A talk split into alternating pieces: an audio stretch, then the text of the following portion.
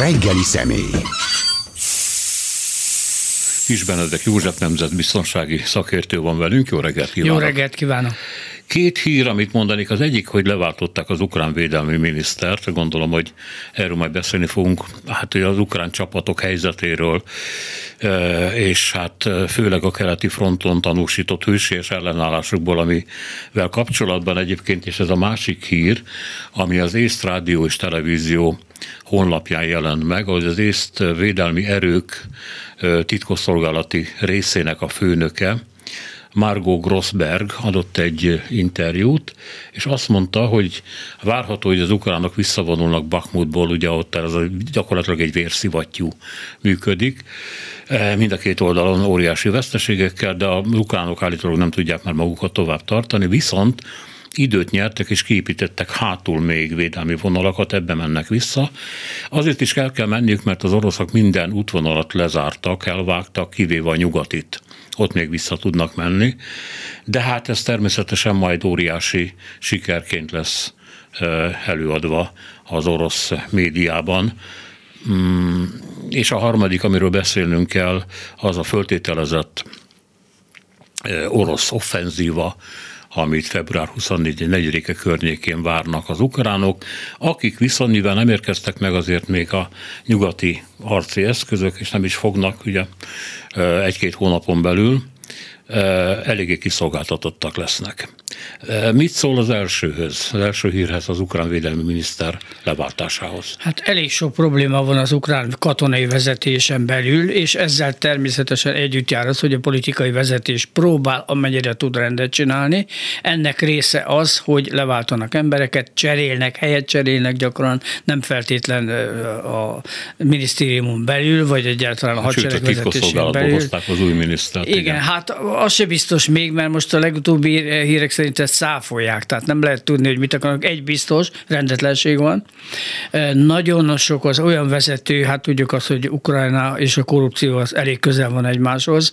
Hát elmentek ide-oda üdülni, különböző ellátmányok, illetve segélycsomagok nem oda érkeztek, ahova kellett volna, erre rájöttek. Nyilván eljut a hadsereg vezetéséhez, vagy a politikai vezetéshez az a panasz, ami a fronton lévő katonáktól érkezik, nevezetesen az, hogy nincs meg az, amire szükségük van, sem élelmezés területén, sem fegyverzet területén, és hát nyilván, hogyha a katona nem kapja meg azt, amivel tudna harcolni, akár fegyver, akár lőszerre gondolunk, akkor nyilván elégedetlenek és próbálnak valamit követelni, és ez megelőzi azt, amikor majd lázadás lesz, hogy azt mondják, hogy nem folytatjuk tovább a harctevékenységet. Tehát nagyon csúnyán is alakulhat. Nyilván erre figyelni kell a politikai vezetésnek. Aztán hát ott is vannak nyilván elég sokan a katonai vezetésben, akik finoman szóval is alkalmatlanak arra, ahova őket beosztották, nem rendelkeznek tapasztalatokkal, eh, politikai vagy párthűség alapján nevezik ki az embereket, és hát ebből is olyan gondok adódnak, hogy Például, ugye, amiről még beszélünk, hogy Bakmut környékén el kellene dönteni azt, hogy most kivonuljunk, vagy ne vonuljunk ki. Hát a normálisan gondolkodók a katonák között vannak egy jó páran, akik azt mondják, hogy hagyjuk fel, nincs értelme, mert itt most gyakorlatilag azon emberek véreznek el, akik az ukrán hadseregnek a gerincét, a legjobban képzett embereit jelentik, és hát jó néhány dandár van azon a területen, amelyet még később föl tudnának használni, hogyha a támadás folytató folytatódik, és az oroszok megindulnak egy nagyobb e, csapat erejével, és e, hát most, hogyha ezeket meghalnak, utánpótlás egyre kevesebb, azt lehet érezni, lehet látni azt, hogy kényszersorozások vannak, elfogdossák az embereket az utcán, és viszik katonának, megvan mind a két keze, lába, van szeme, és akkor már mehet is katonának, tehát itt látszik, hogy nagyon súlyos létszámbeli gondok vannak. Na most ezt próbálják valamennyire kiküszöbölni, nem biztos, hogy a legjobb módszer az, hogy, hogy hogy most leváltják az embereket, de hát ez is benne van. Nyilván valakit felelősség kell tenni azért a helyzetére, ami kialakult. Grossberg, ugye rá, már említett észt katonai elhárítás, gondolom ezt ö, ö, rejti az Intelligence Center of Estonian Defense Forces. Katonai hírszerzés inkább. Igen. Tehát ő azt is mondta, hogy ebben a pillanatban még a, a katonai erő egyensúly ukrán és orosz oldalon egy az egyhez. Ez nem sokára három az egyhez lesz. Vagy még több. Javára. Vagy még több, tehát még sokkal több. magasabb. Hát az oroszoknak azért bőség, bőségesen van tartalék, és hát azzal a változtatással, amit most a Putyin megvalósított, nevezetesen az, hogy a védelmi miniszter kezébe adta, Gerasimov tábornok kezébe adta a teljes területet, és mindent, ami a ukrajnai harctevékenységgel is összefüggésben van, az azt jelenti, hogy neki teljes joga van a hadsereg és a különböző haderőnemek felé intézkedni. Ennek következtében lehet látni, hogy az utóbbi hetekben komoly csapat átcsoportosításokra kerül sor, és olyan alakulatok jelennek meg az ukrán területen, amikor azt mondják, hogy a távol-keleti, nem tudom hányas számú dandár, amit átcsoportosítottak, illetve hát bevetik nyilván a légideszant csapatokat, tehát egy nagyon komoly erőt összpontosítanak, mert az orosz vezetés is rájött azzal, arra, hogy hát a Wagner csoporttal azért mindent nem lehet megoldani, az nem igazi hadsereg egyrészt, másrészt pedig hát olyan embereket vonultattak be, akiknek felajánlották, hogy a börtönbüntetését enyhítik, vagy teljesen elengedik, amennyiben elmennek harcolni. Hát el tudjuk képzelni, hogy ezek milyen katonai képzettséggel rendelkező emberek. De ezt hallotta, hogy börtönben nőket is próbálnak már toborozni? Mindent, mindent próbálnak. Tehát aki azt mondja, hogy elmegy harcolni, az mehet. Egyébként pedig a nőket is az ukrán oldalon is hívják befelé most már elég rendesen. Igen. Nem feltétlen harcos, harcoló alakulatokban, de van, van a logisztika területén számos olyan terület, ahol a nőket be tudják sorozni, és hát hogyha látszik az, hogy létszemberi problémák vannak, akkor kénytelenek ezt meg, meglépni.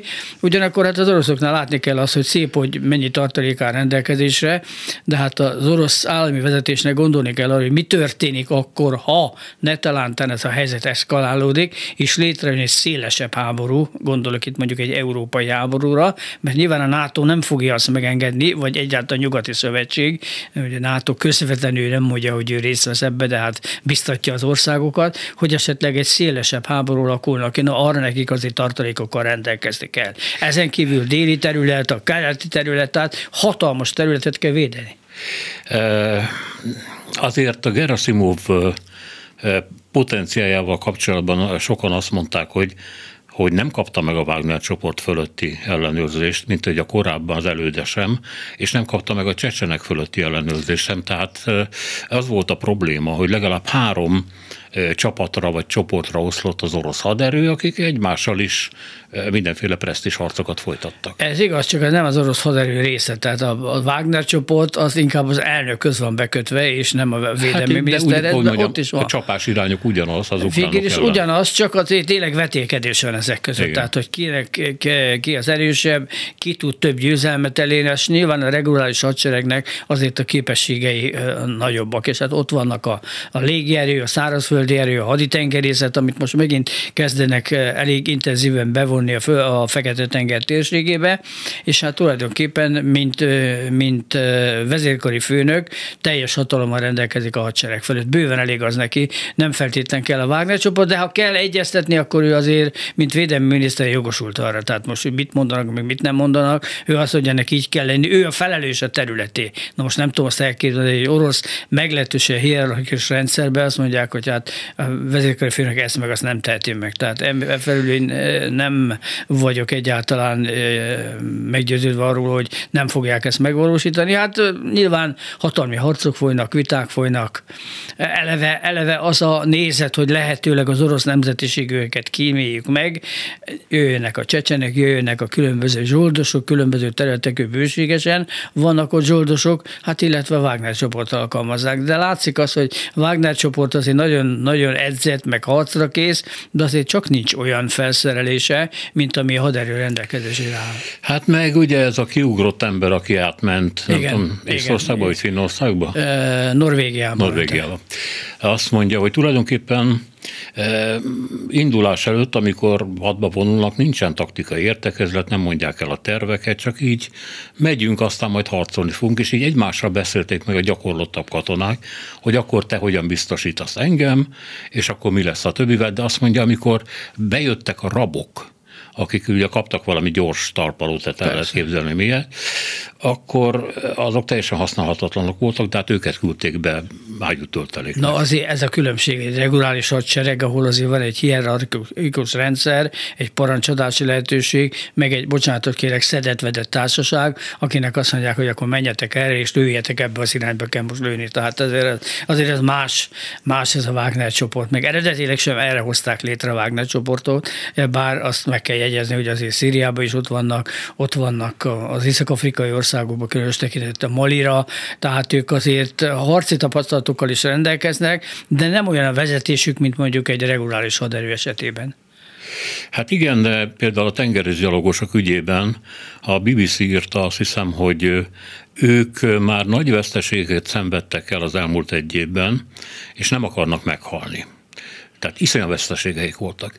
És sokkal kevésbé odaadóak, mint ez várható lenne tőlük, mert ők ugye elit katonának számítanak, de ezért megrendített őket a sok veszteség. Hát most ki az, aki szeret nagyon meghalni, tehát nem feltétlenül az ilyennek inkább a győzelem, de, de az igazság az, hogy, hogy most elkezdődött egy városi harc sorozat, ugye, hát most nem csak Bakmut, hanem Bakmut térségbeli városokban is, illetve falvakban is elég kemény harcok voltak és vannak, és még ez lesz, hogy hogyha Bakmutot feladják, vagy elfoglalják, majd meglátjuk, hogy lesz, mert még egyelőre vita folyik a ukrán vezetésben is, és itt a politikai vezetés nem akarja feladni politikai okok miatt, nem feltétlen stratégia, bár az is benne van, elsősorban a sóbányák miatt, illetve ott lévő alagutak felhasználása miatt, de azért hát menni kell még majd, majd tovább nyugat felé, hogy el akarják foglalni, már pedig Putyin kiadta azt, hogy a Donetsz medencét teljes mértékben el kell foglalni, tehát most ez a fő irány,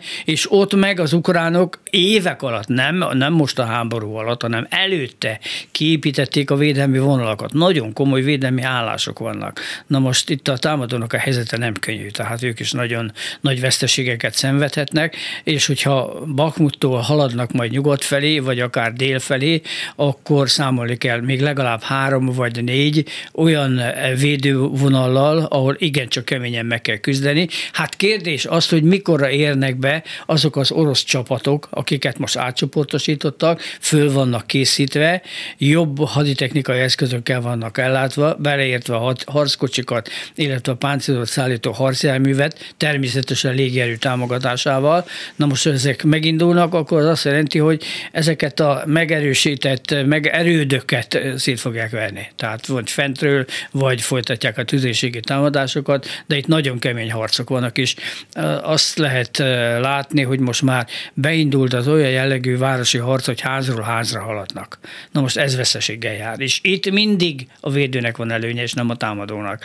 És hát, hogyha itt, eh, itt eh, azért fölkészültek az ukránok korábban, nyilván a politikai vezetés eh, abban a helyzetben, hogy nem, nem adunk fel területet, hanem inkább elfoglalunk mást is. Hát van egy olyan vélemény is, és én hajlok rá, hogy ez igaz, hogy hogy a nyugat elkésett azért azoknak a fegyvereknek a megadásával, vagy legalábbis késik, amikre Ukrajnának szüksége volt, azért az, hogy az évfordulóra Putyin meg fog indítani egy offenzívát, arra lehetett számítani, és decemberben még azon vacakoltak, hogy akkor jön a Leopard 2, vagy nem jön a Leopard 2. Ad Amerika hozzá tankokat, vagy nem. Ad, de kiderül, hogy majd egy év múlva érkeznek meg. A Leopardokról, meg az, hogy vacak állapotban vannak akár a spanyol, akár a német Leopardok, a Leopard egyek, és ezeket javítani kell. Akkor föl kell készíteni. Hát ezek hónapok. Ez így van, és egyetértek azzal az értékeléssel, amelyek azt mondják, hogy elkésett a nyugat, tehát nem számítottak arra, hogy az oroszok tovább folytatják a támadást, már pedig erre számítani lehetett volna, és a nyugat ügyel arra, hogy mindig annyi haditechnikai eszköz adjon, ami éppen az adott helyzetben megfelel, mert azért érkeznek oda eszközök most is, és viszont azt lehet látni, hogy egyre inkább engedékenyek, tehát amikor azt mondták még kezdetben, hogy, hogy csak kézi fegyvereket, páncéltörő eszközöket, védelmi fegyvereket szállítanak, ma már ott tartunk, hogy fölmerült annak a lehetősége, hogy repülőgépeket is adjanak át. Hát a harckocsiknak az átadása pedig nyilván egy minőségi változás jelent, attól függ, mennyi érkezik persze, és milyen milyen típusú, mert a Leopard 1-nél is van olyan, ami, amit nem nagyon használtak, és jó állapotban van, meg a Leopard, A, a Leopard 2 A4-nél is van olyan, amire még rászorul némi karbantartás. Nem használták ezeket az eszközöket. Tehát, hogyha használják, akkor rendszeresen futnak. Az, amit az autó, hogy beteszem a garázsba, egy évig nem használom, akkor az azért rontja az állapotát. Tehát uh-huh. előtte föl kell készíteni.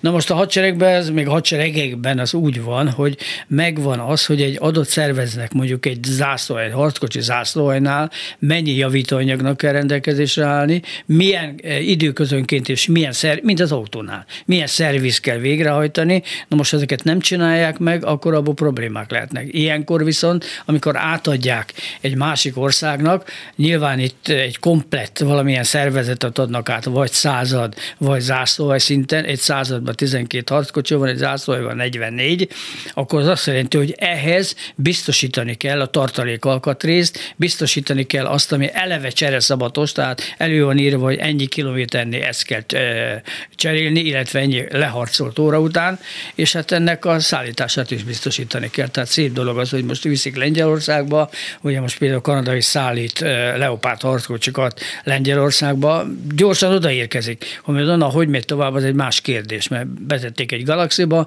és egy galaxi gép az egy harckocsit simán elvisz, és hát párat átadnak, akkor utána Lengyelországba ezeket még azért össze kell egy kicsit rendezni, hogy kötelékbe be lehessen vetni, nem beszélve a személyzetről. Tehát itt egy harckocsi személyzeténél fel kell készíteni az embereket, tehát a személyzetet, kezelő személyzetet, és azért egymás feladatát át kell tudni venni. Tehát, hogyha valaki harckocsi vezető, az rendben van, de azért valamit tanulni kell neki abból is, hogyha kiesik a, a, a töltőkezelő vagy az irányzó, akkor azt a feladatot is el tudja látni, vagy fordítva. Tehát itt azért van egy komplex felkészítés, utána ugye egy, egy személyzeten belüli összhangnak meg kell lenni, tehát ismerni kell az embereknek egymást, ha nem ismerik, az elég nagy problémát jelent, és akkor utána kötelékbe, tehát egy szakasz, egy század, egy zászlói kötelékbe tudni kell nekik együttműködni. Ebben benne van a híradó berendezéseknek használata, ami ezeknél a harckocsiknál nem egyformák, az amerikaiaknál ugye teljesen más rendszer van, ott frekvenciugratásos összeköttetés van, amit nem lehet lehallgatni,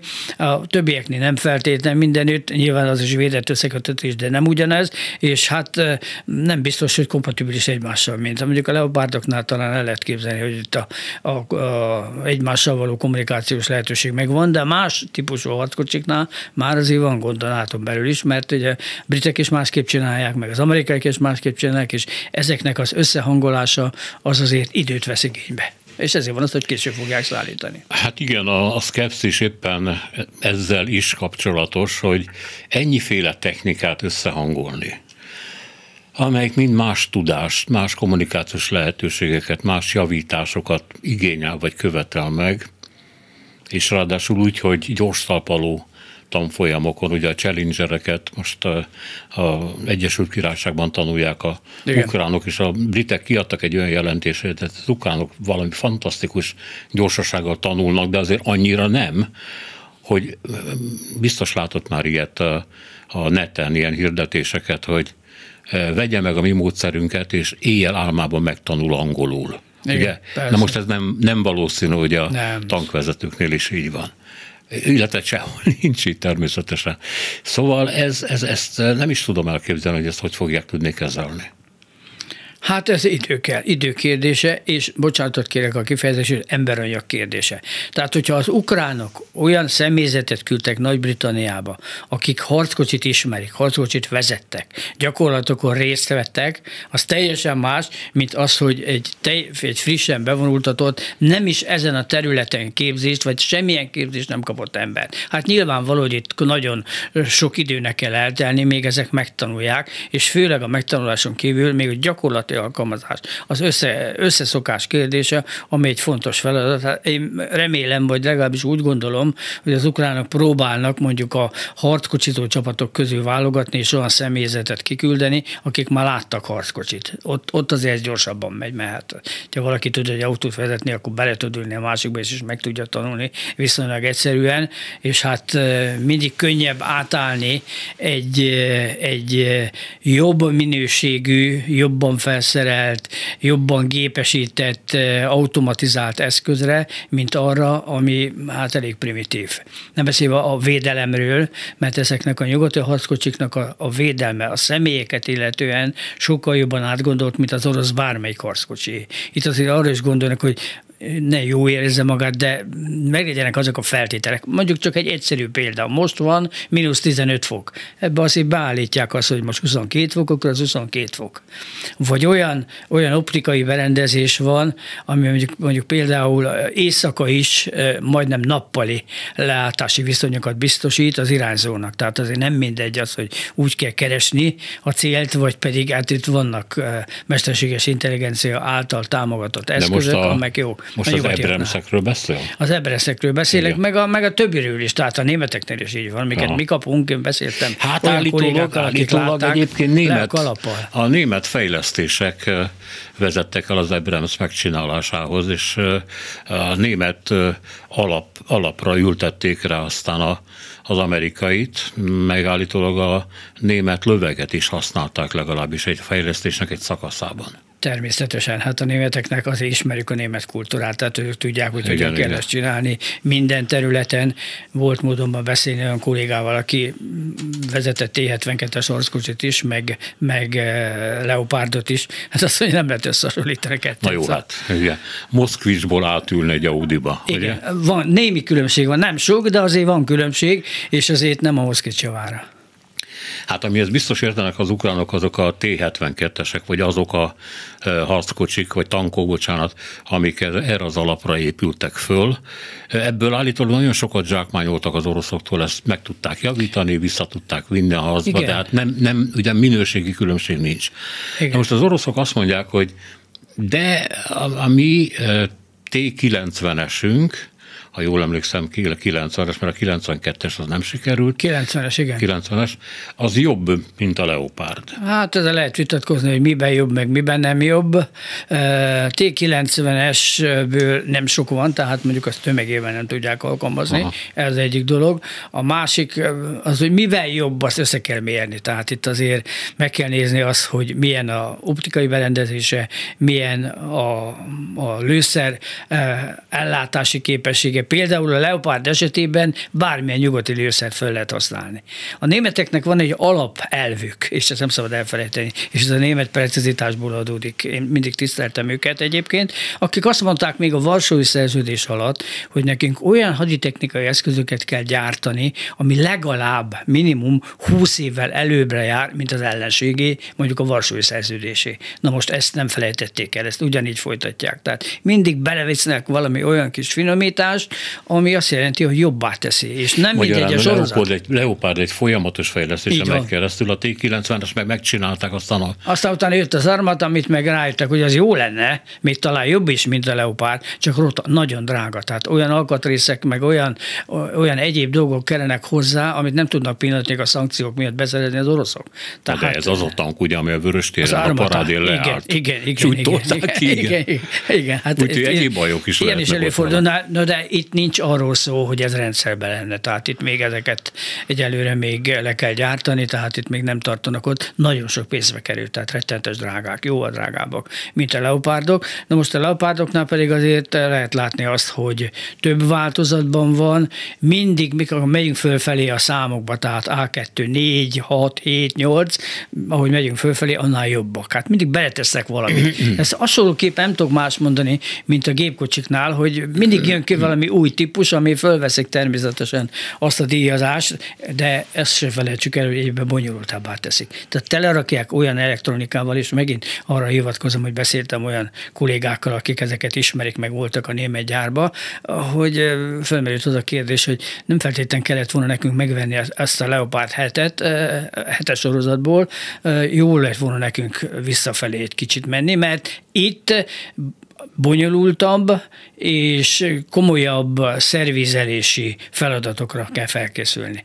Tehát olyan hibák jönnek ki, amit nem biztos, hogy meg tudnak csinálni, csak olyan szakemberek, akik valóban ennek a fejlesztésével, illetve hát a folyamatos üzemeltetésével foglalkoznak. Arról a leopárdokról beszél, amiket már rendszeresítettek a magyar hadseregben? Hát rendszeresíteni fogják, igen, fogják. igen. Hát van már, van már vagy négy darab, amivel ugye gyakorlatoznak, felkészítik, de hát még az újak azok nem érkeztek meg, tehát az még odéban. Ezek megérkeznek, vagy pedig a Rheinmetall itt fogja gyártani őket? Nem, itt fogja, meg fogják, el fogják hozni, nem tudnak nálunk ilyet gyártani. Azt elhozzák Németországból, átadják, és úgy, hogy megbeszéltük, úgy, hogy bevenne a szerződésbe, ugye németek azt mondták, hogy mi határidőre leszállítjuk azt, amit rendeltetek. Ti meg határidőre kifizetettek azt, amelybe ez kerül. Na itt vannak némi viták, mert Aha. a németek ebbe is eléggé precízek.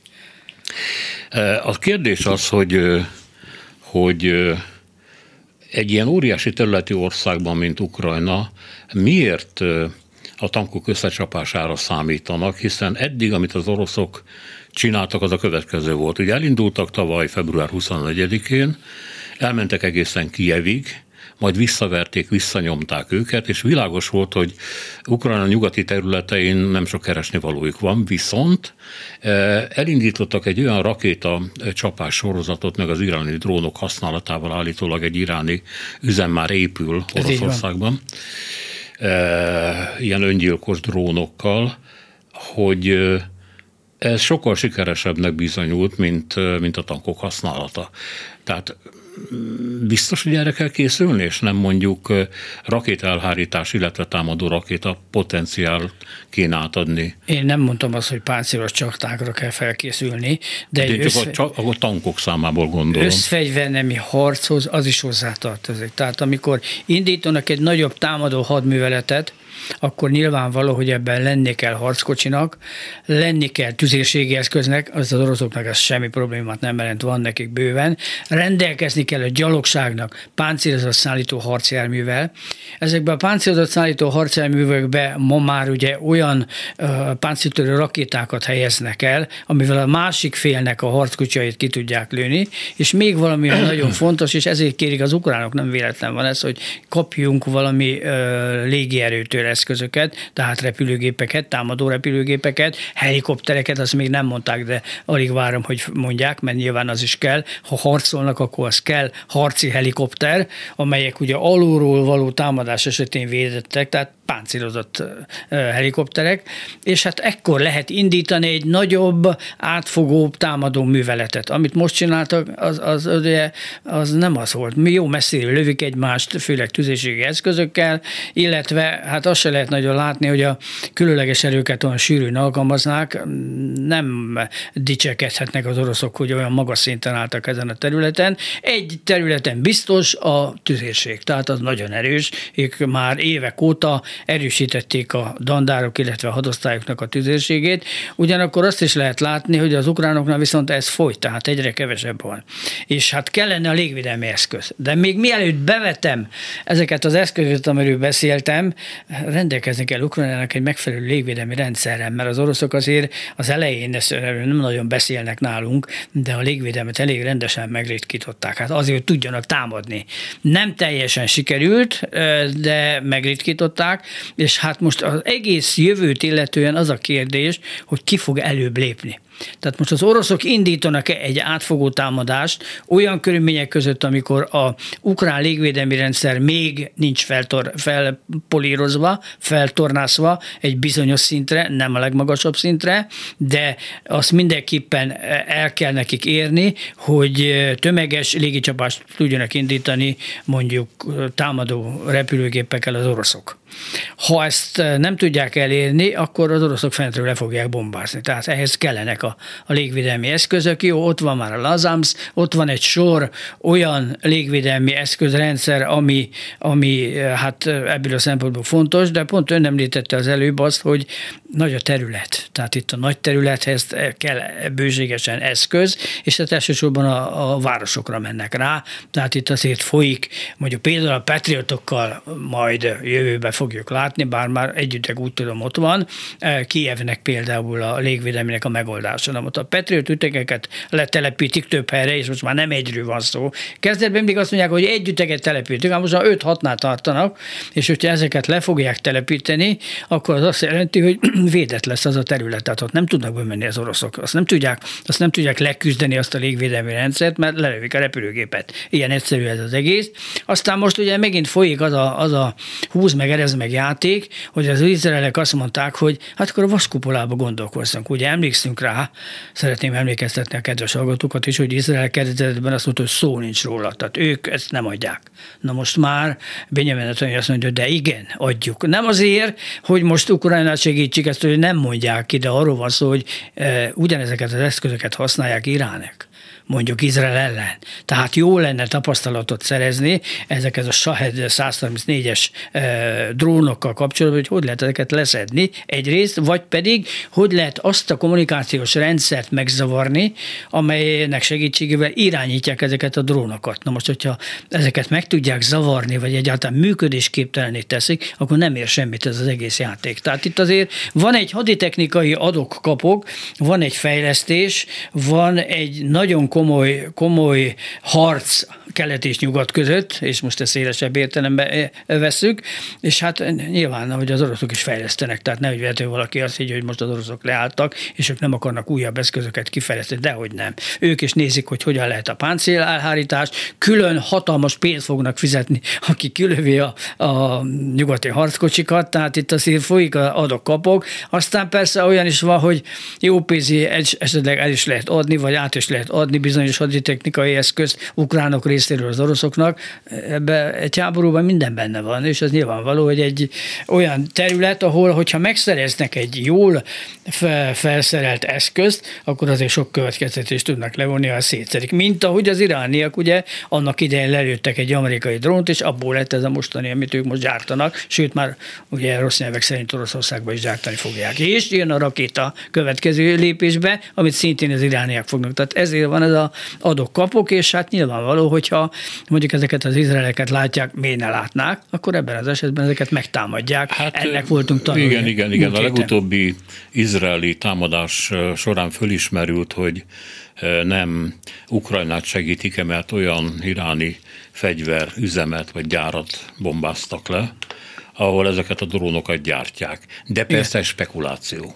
Tehát nem, nem tudni, hogy Izraelnek volt-e szándéka ezzel, hogy mondjam, csak iráni drónokat írtani azért, hogy Oroszországnak kevesebb jusson azért, azért írtják, hogy ne tudják ellenük használni. Igen, Tehát itt ez, ez, ez teljesen második. Nem foglalkoznak ők azzal, hogy most az oroszoknak mi jut, meg mi nem jut, mert hogy csinálnak egy gyárat, akkor ott nyilván uh, tudják a, a gyártást folyamatosan biztosítani, de hát Izrael nagyon tart attól, hogy az iráni drótokkal, drónokkal meg lehet támadni, és hát ezek a szállítmányok, amik mennek Iránból a Hezbollahhoz, hát azért azok meglehetősen fenyegetik Izrael. Tehát itt azért a kérdések nagyon szorosan összefüggenek egymással.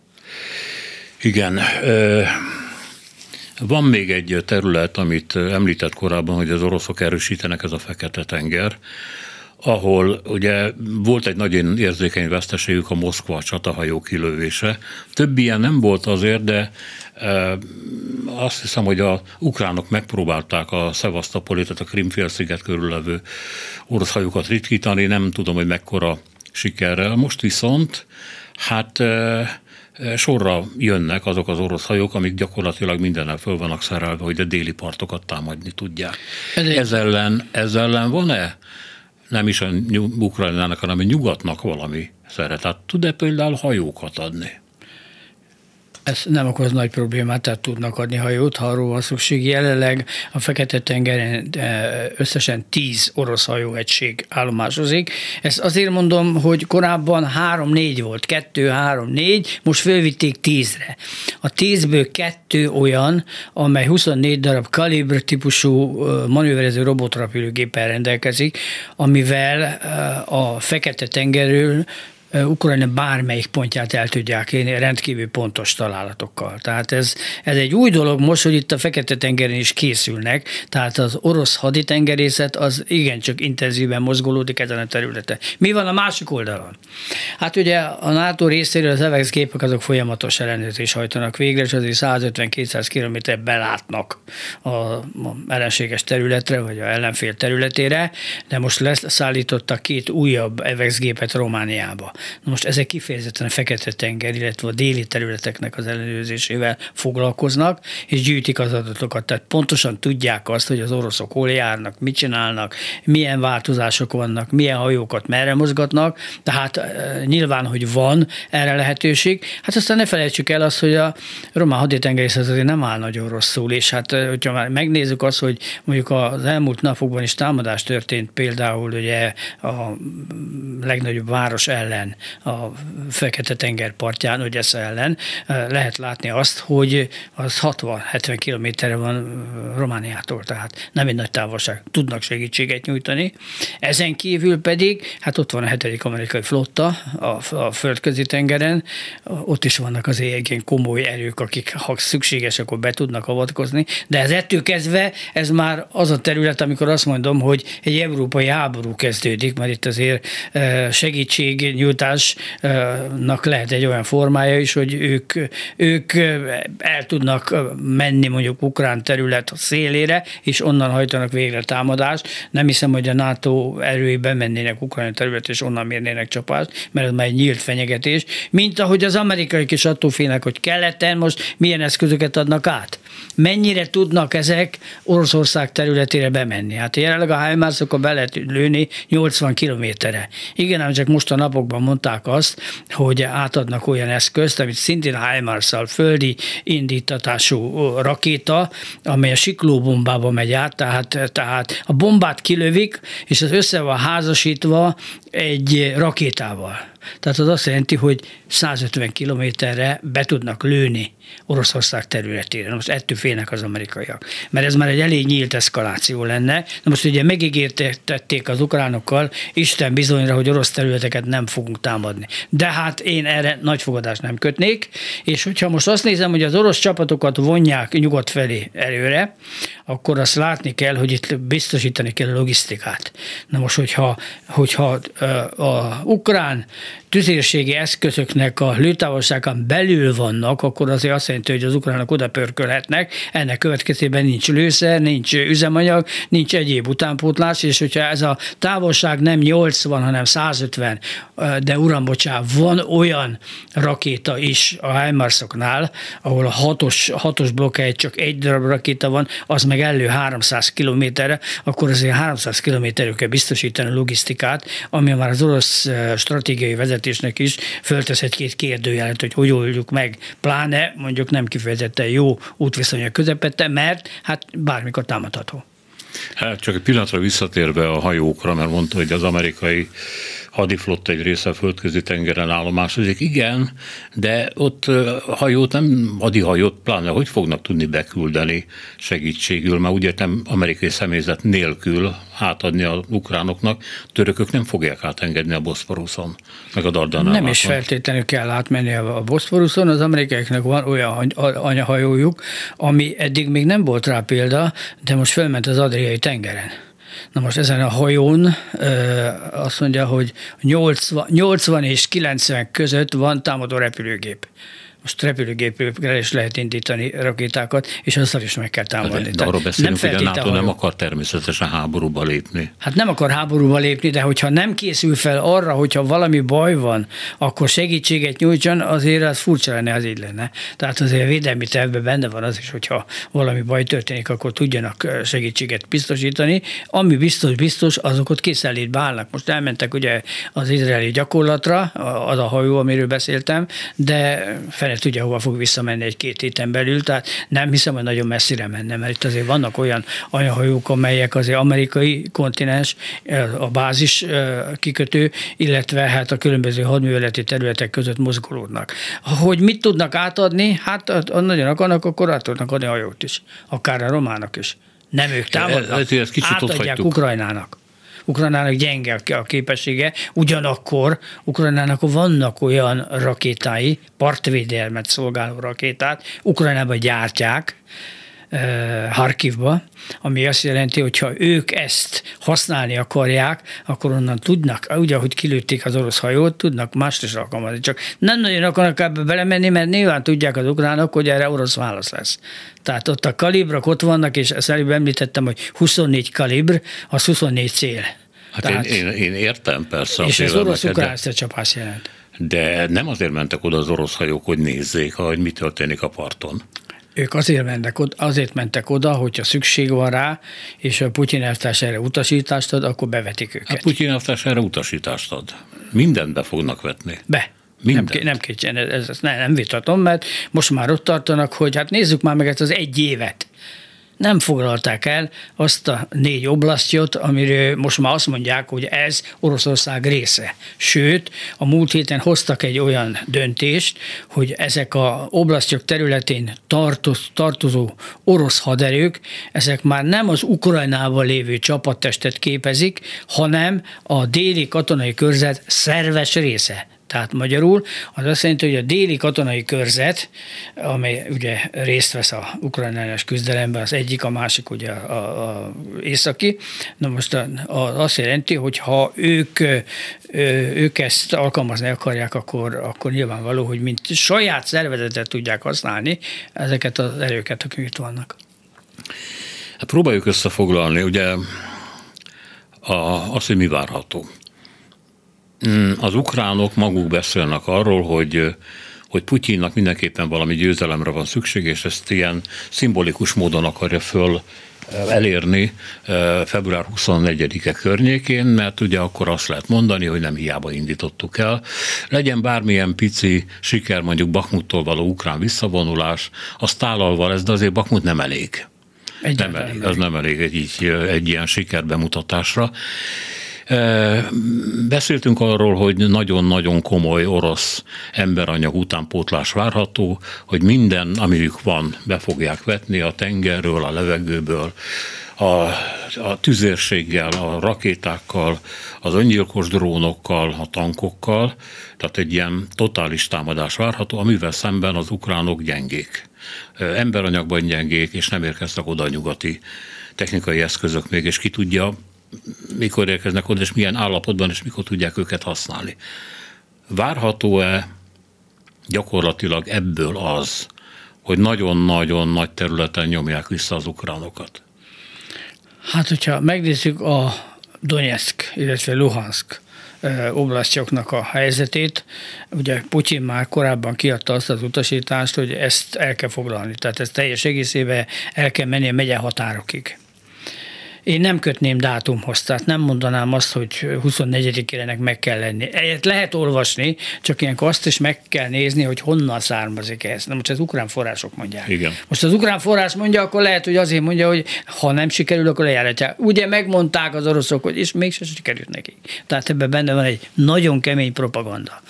Ugyanakkor azt is lehet látni, hogy az, az oroszok esetében egy nagyon komoly átcsoportosítás történik, megvannak az eszközök minden területen, tehát a haderőnemeknél, fegyvernemeknél készülnek, de, de nekik is azért még az előrevonást végre kell hajtani. Tehát én, én úgy látom, hogy akik itt a hadműveletet tervezik, akár orosz, akár ukrán részről, azért gyors változásról nem lehet egy előre beszélni. Tehát semmiképpen nem kötném időpontot, tehát itt a 24 az, az, azzal nem kell szerintem foglalkozni, de egy, egy mondanám az közelebbi cél eh, elérése érdekében nyilván egy nagyobb támadást fognak indítani az oroszok nem azért vonná, vonják össze az erőket, ugyanakkor az ukránoknál is lehet azt látni, hogy négy új dandárt hoztak létre, tehát ők is fölállítják azokat a katonai alakulatokat, amelyel ellentámadást lehet végrehajtani, vagy uram, bocsánat, meg lehet állítani az orosz támadást.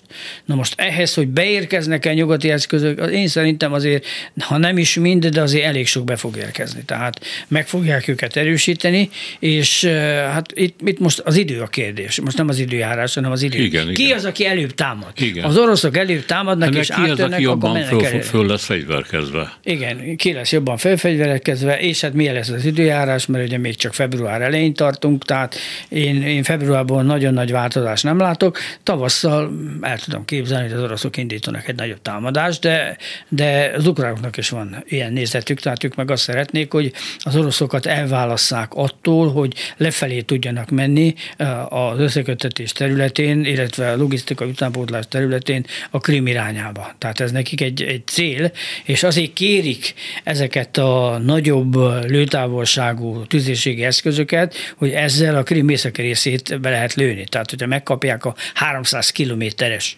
tüzérségi eszközöket, akkor ott nagy, nagy problémát okozhatnak az oroszoknak.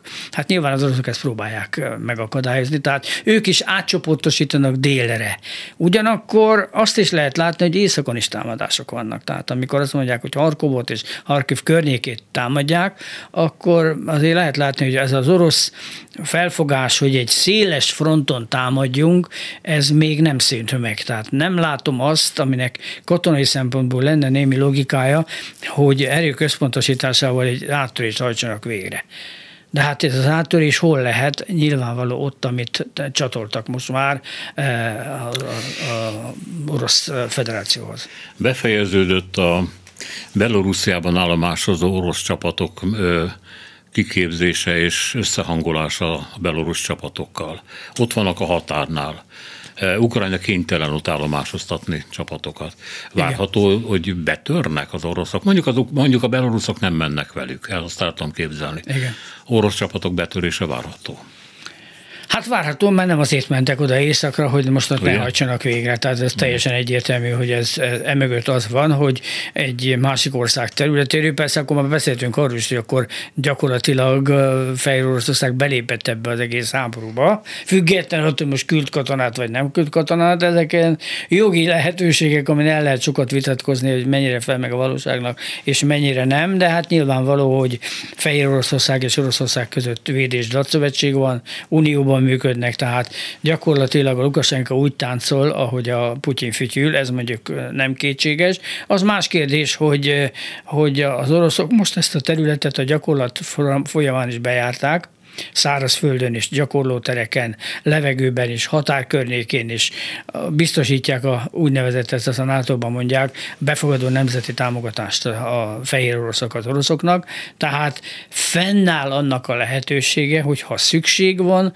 akkor onnan az oroszok tudnak támadást indítani, mert ott vannak az erőik. Ezen kívül pedig, hát azzal is számolni kell, hogy a légierő, az orosz légierő azokat a repülőtereket, amelyek Fehér Oroszországban országban vannak, berepültek, tehát tudják, pontosan ismerik, és ez egy háborúban nagyon fontos, hogy tudjam, hogy hol kell leszállni, tudjam, hogy milyen a repülőtér, ismer, tehát a pilótának ismerni kell azt a területet. Ezt most a gyakorlat során nyilván rendesen begyakorolták. Tehát, tehát ennek a lehetősége fennáll, hogy most honnan indítanak, nem hiszem, hogy északról indítanának, mert nem logikus. Tehát továbbra is az, hogy, az, hogy a oblasztjokat kell elfoglalni. Tehát erre kell elmenni, ami nagyon emberigényes sok halott lesz, hogyha ezt beindítják, de hát ez, ez az orosz elképzelés egyelőre. Ugyanakkor le kell kötni az ukránokat, ez is benne van. Ha én most ott átmegyek mm, az oroszok fejével gondolkodva Fehér Oroszország területére, ott csapatokat állomásoztatok, bármikor bevetésre kész állapotba, akkor az azt jelenti, hogy az ukránoknak egy bizonyos katonai kontingens ott kell tartani határ mellett, tehát nem tudják elvinni mondjuk déli területekre.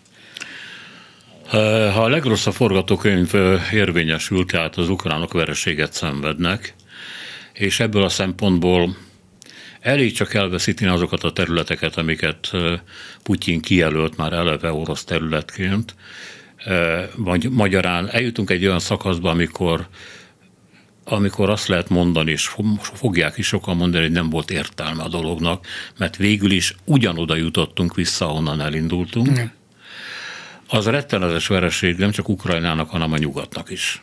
Abszolút, és ezért nem engedik. Tehát ezért mind a két fél azt mondja, hogy el kell jutni egy olyan szintre, ami elfogadható mindkét oldalon, mint győzelem. Tehát itt nem beszélhetünk arról, hogy győzött a nyugat, vagy a győzött Oroszország azt kell a végén kimondani, hogy győztünk mind a ketten, és látszik az amerikai vezetés részéről, hogy azért próbálják befolyásolni Zelenszkéket abban, hogy mondják azt ki, hogy felejtsük el Krimet, meg felejtsük el mondjuk két megyét. De hát egyelőre még ezeket nem lehet De ki mondják ezt, akkor miért volt nem. a háború?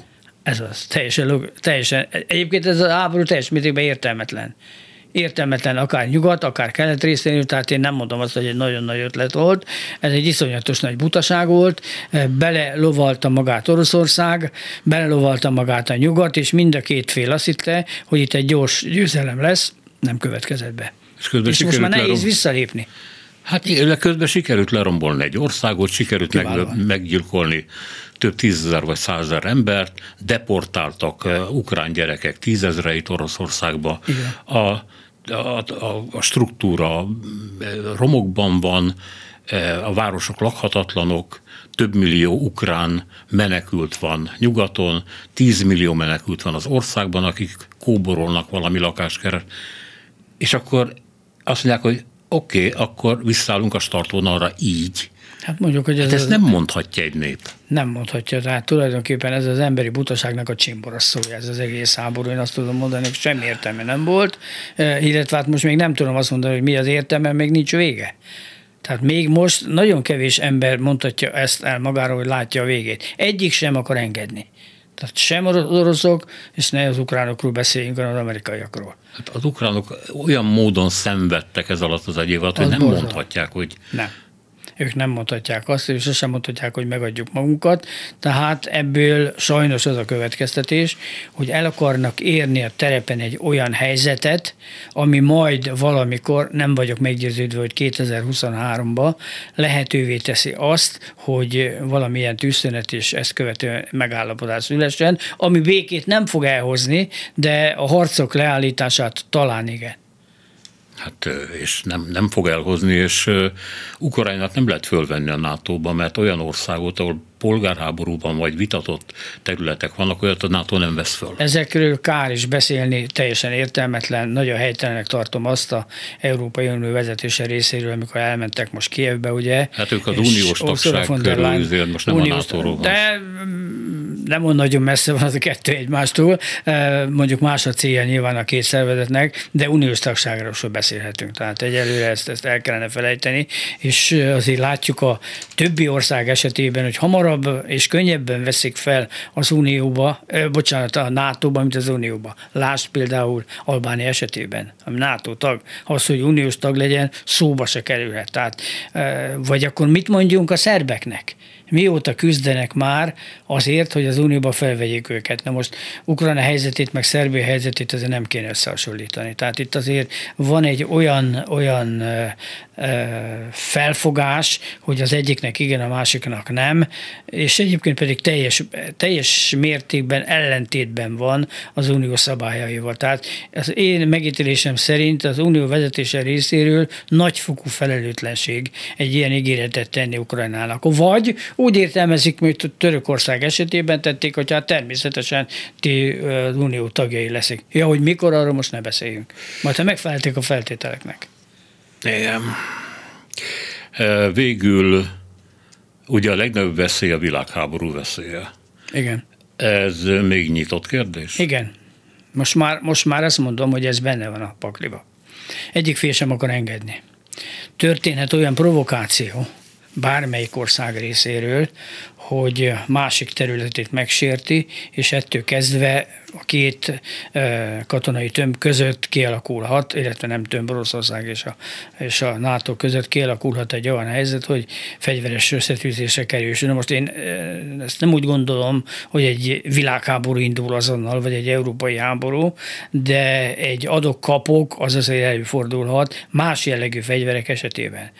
Na most, hogyha megnézzük azt, hogy ez kinek lehet érdekébe, akkor azt tudom mondani, hogy senkinek.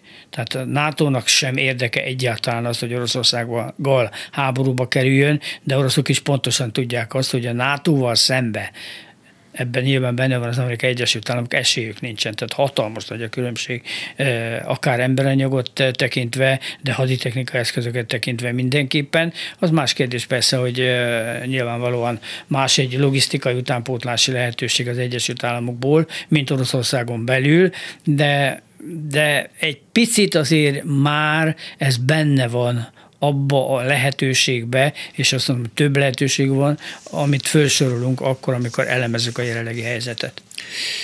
Köszönöm szépen, hogy itt volt Köszönöm nálunk. Szépen. Kis Benedek József nemzetbiztonsági szakértő volt a vendégünk 9 és 10 óra között. Csorba László, Simon Erika, Sidai Péter, Herskovics Eszter és Szénási Sándor köszöni a négy órán keresztül tartó figyelmet, türelmet, minden jót!